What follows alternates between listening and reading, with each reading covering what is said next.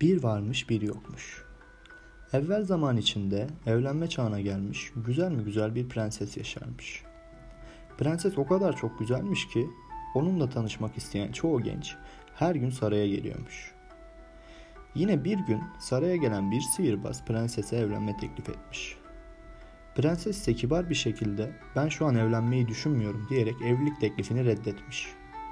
Prensesin evlilik teklifini reddetmesine sinirlenen sihirbaz sihirle prensesi bir kelebeğe dönüştürerek onu yakaladığı gibi kimseye belli ettirmeden saraydan çıkmış.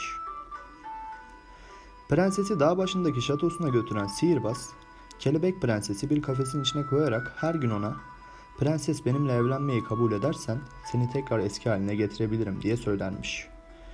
Prenses ise her defasında hayır seninle evlenmeyi asla kabul etmem dermiş. Günler bu şekilde geçip giderken sihirbaz bir gün kafesin kapısını açık bırakınca kelebek prenses hemen kafesten çıkar çıkmaz şatodan uçarak kanatlanmış. Kısa bir süre sonra odaya giren sihirbaz prensesin kafeste olmadığını görünce hemen dışarı çıkarak onu aramaya başlamış. Ama onu hiçbir yerde bulamamış. Prenses ise hızla dağdan uzaklaşmış.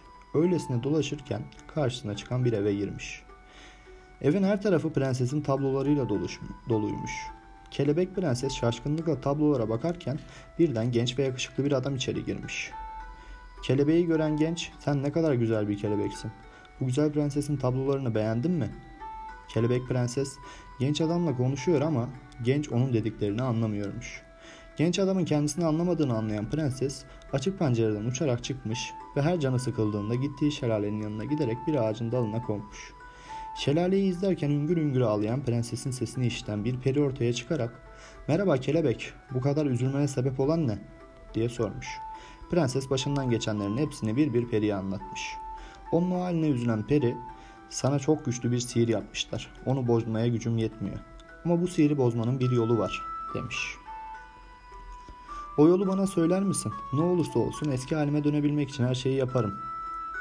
Sihirbaza sana vereceğim sudan içirtebilirsen sihirli gücü yok olur ve sen de eski haline dönersin demiş peri. Prenses ben o şişeyi taşıyamam ki demiş. Peri taşıyacak birini bulmalısın. Aslında o genç ressam var ama o da beni anlamıyor demiş prenses.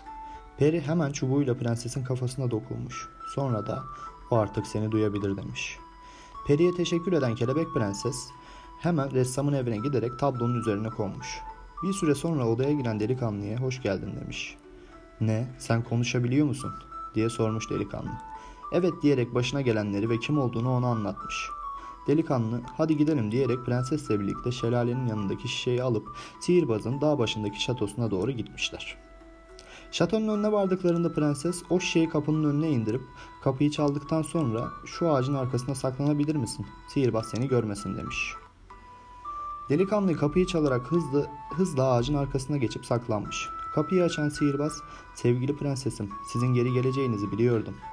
Kelebek prenses, düşündüm ve sizin teklifinizi kabul etmeye karar verdim. Ama bir şartım var. Şu kapının önünde duran gençlik iksirini içerseniz o zaman sizinle evlenmeyi kabul ederim demiş. Sihirbaz prensesin teklifini kabul etmesinin sevinciyle hiç düşünmeden o şişeyi alarak içindeki suyu tamamen kafaya dikmiş. Çok kısa bir süre sonra sen bana ne içirdin, bana bir şeyler oluyor diyen sihirbaz tüm gücünü kaybetmiş. Prenses ise eski güzel haline dönmüş. O anda ortaya çıkan delikanlı sihirbazı yakaladığı gibi onun bir daha kimseye zarar vermemesi için bir kayıya bindirerek bir akarsuya bırakmış. O günden sonra çok iyi birer arkadaş olan prenses ile ressam evlenerek bir ömür mutlu, mesut yaşam sürmüşler.